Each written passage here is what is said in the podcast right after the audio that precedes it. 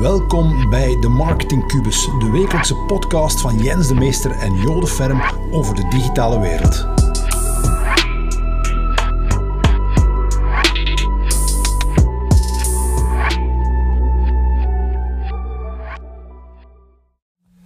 Deze week lanceerden we de WebHero Online Academy, een videoreeks van bijna 100 video's over digitale marketing. Voor één keer heb ik Jens de Meester vervangen door iemand anders.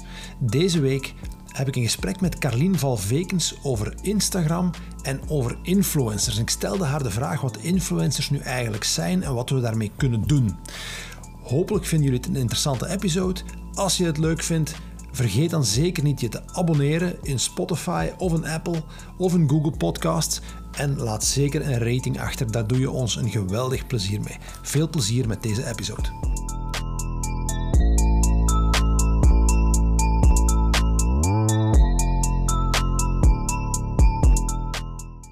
Altijd medestanders en ook vaak tegenstanders. We gaan het hebben over influencers. Hè. Jens en ik, wij zijn eerder de mannen van de data. Hè. Eh, wij, wij willen alles meten en weten. Dat is heel moeilijk met influencers. Tegelijkertijd doen wij ook wel heel veel aan content marketing op LinkedIn, wat ook niet meetbaar is. Hè. Dus Klopt. ik, eh, ik hou wel van de twee kanten. Maar misschien in het kort, influencer. Wat is een influencer?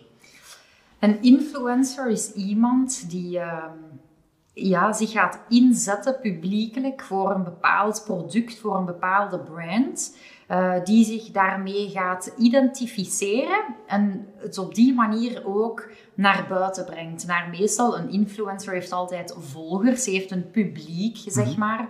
Dus die, ze brengen in feite ehm, diensten of een product naar buiten, zodat de volgers het product leren kennen. Ja, op een subtiele manier. Op een subtiele het, is, het is geen manier. advertentie. Het is geen Het is advertentie. een beetje zo verdoken reclame. Ja, want weliswaar worden de meeste influencers natuurlijk betaald Ja. eh, om te influencen. Ja. Eh, maar is wel heel belangrijk aan het worden op Instagram. Is Mhm. Ja. ondertussen al heel belangrijk. Ik ga een voorbeeldje geven. Hè. Ik kom uit de snowboardwereld. Dan denk ik onmiddellijk aan Sepp Smits. Mhm. Wereldkampioen staat op een podium, drinkt een slokje Red Bull. Ja, Hè. Eh, heel kort shot. Wat gebeurt er ergens in het hoofd van de mens? Die zeggen, ah, snowboarder, wereldkampioen, drinkt Red Bull. Die associëren die twee. Die zegt niet in de camera, ga nu allemaal Red Bull kopen. Hè. Dus, Nee. dus wordt, een beetje, wordt een beetje zo ingeslopen reclame. Ja, dat is wat influencing inderdaad. eigenlijk is. Hè. Dus als ondernemer zoek je een manier om, ehm, om jouw product in beeld te brengen ja, bij een bepaalde doelgroep. om te associëren soms met associëren. bepaalde zaken. Oké, Inderdaad. alright, alright. Klopt, Eh, ehm, maar dat kan je ook heel lokaal gaan inzetten. Hè? absoluut.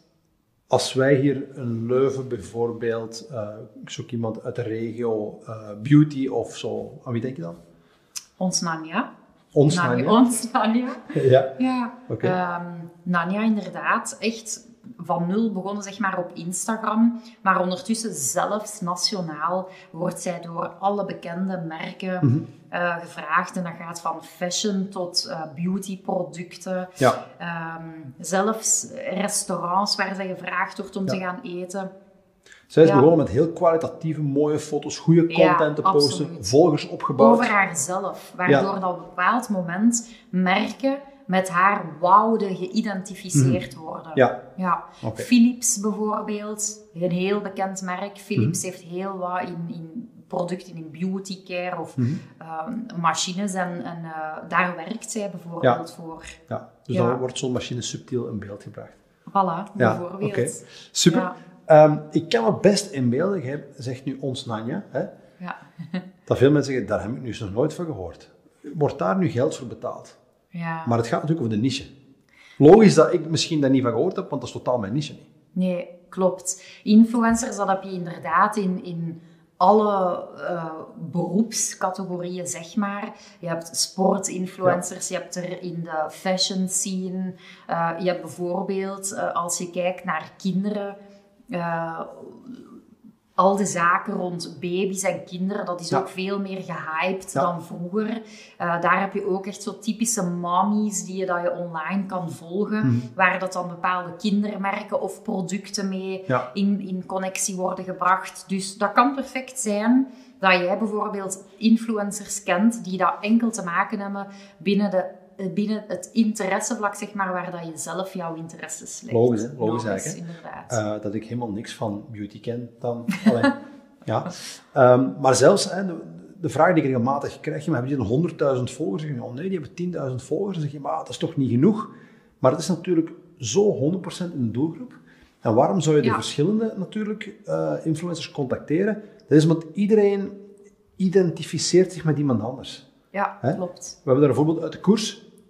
Ja. Nijs versus Albert. Ja. Je hebt, uh, Ook bij ons op kantoor was commotie vroeger. Hè? Ja, inderdaad. Vooral bij de mannen dan. De vrouwen weten er vaak iets minder over, over de koers. Bij ons toch op kantoor. Maar inderdaad, je ziet dat daar ook. Hè. Je bent fan van één van de twee. Er zijn weinig mensen die zeggen, ik ben van beide fan. Mm Zo is dat natuurlijk bij Terwijl heel allebei veel Belgen zijn, die komen uit dezelfde streken, die, die, die rijden dezelfde koers. En toch... Dus met andere woorden, je identificeert je soms met ene en niet met de andere. Hè. Dus daarom dat influencers, zelfs al hebben die misschien maar een, een 10.000 volgers, of soms nog minder natuurlijk, maar als die echt in je niche zitten, en dat zijn de mensen die zich daarmee identificeren, en je moet die mensen bereiken, ja. dan kan dat wel interessant zijn om daarmee in contact te komen. Absoluut. We, we, noemen die influencers zelfs ook echt micro-influencers. Dat zijn dan vaak influencers die zitten rond een uh, eh, 25k, dus 25.000 volgers. En waarom is dat inderdaad heel belangrijk? Omdat ehm, er is een reden dat die bepaalde merken in de markt gaan zetten. Wat is het verschil met influencers die um, zeer groot, dat is vaak nemen die alles aan. Vaak zijn dat dan natuurlijk gigantische merken mhm. waarmee dat je weet van oké, het, is, het is businessgewijs. Het is natuurlijk altijd businessgewijs. De hoog, hè? Voilà, inderdaad. De prijzen zijn te hoog, terwijl lokale influencers of heel typische influencers binnen bepaalde categorieën. Mhm. Eh, die hebben inderdaad een heel nauwe ehm, doelgroep er rond hangen, zeg maar. Ik, ik wil even meegeven dat bedrijven die misschien niet grote budgetten hebben, dat op het laagste niveau kan je soms een ruilhandel doen. Hè? Absoluut. kan gewoon een beetje product geven en, en die product wordt in de kijker gezet gewoon. Ga je een beetje hoger, zal daar waarschijnlijk een, een, cashbudget tegenover staan. En, en, die budgetten die groeien natuurlijk. Hè. Maar ook op het laagste niveau kan je soms wel... Uh, ik denk zeker aan horeca, kun je gaan eten. Uh, ja, zeker. Ik heb zelf de ervaring uit de reissector uh, met een B&B in Marokko, dat we regelmatig mails krijgen um, van mensen die zich aanbieden. Die zeggen van, hey, ik heb hier 30.000 volgers, ik zit in de surfwereld kan ik niet uh, drie dagen gratis komen logeren en in ruil daarvoor ga ik uh, zoveel foto's posten gewoon. Dus ja. een heel concreet voorstel. Super belangrijk inderdaad. Ja. ja. Um, er bestaan trouwens uh, ook apps voor, hè, of bedrijven voor, die bedrijven en influencers gaan connecteren. Mm -hmm. um, en ik denk Belgisch bedrijf hè, is Influo, mm -hmm. die dat doet. En er is ook nog een, een, een start-up, die heet Conu, of mm -hmm. Conus, ik weet niet hoe ik het juist ja. uitspreek die dat ook doet op verschillende niveaus gewoon. Ja, dus uh, je kan zelf mensen contacteren. Ik krijg regelmatig e-mails voor, voor, uh, voor klanten van ons gewoon die, die, die dat willen doen. Maar ja, je kan ook zelf gewoon aan de slag gaan. Absoluut. Zo, ik hoop dat je het interessant vond. Volgende week zijn we weer terug opnieuw met Jens de Meester. En vergeet zeker niet die rating achter te laten. Waarvoor dank.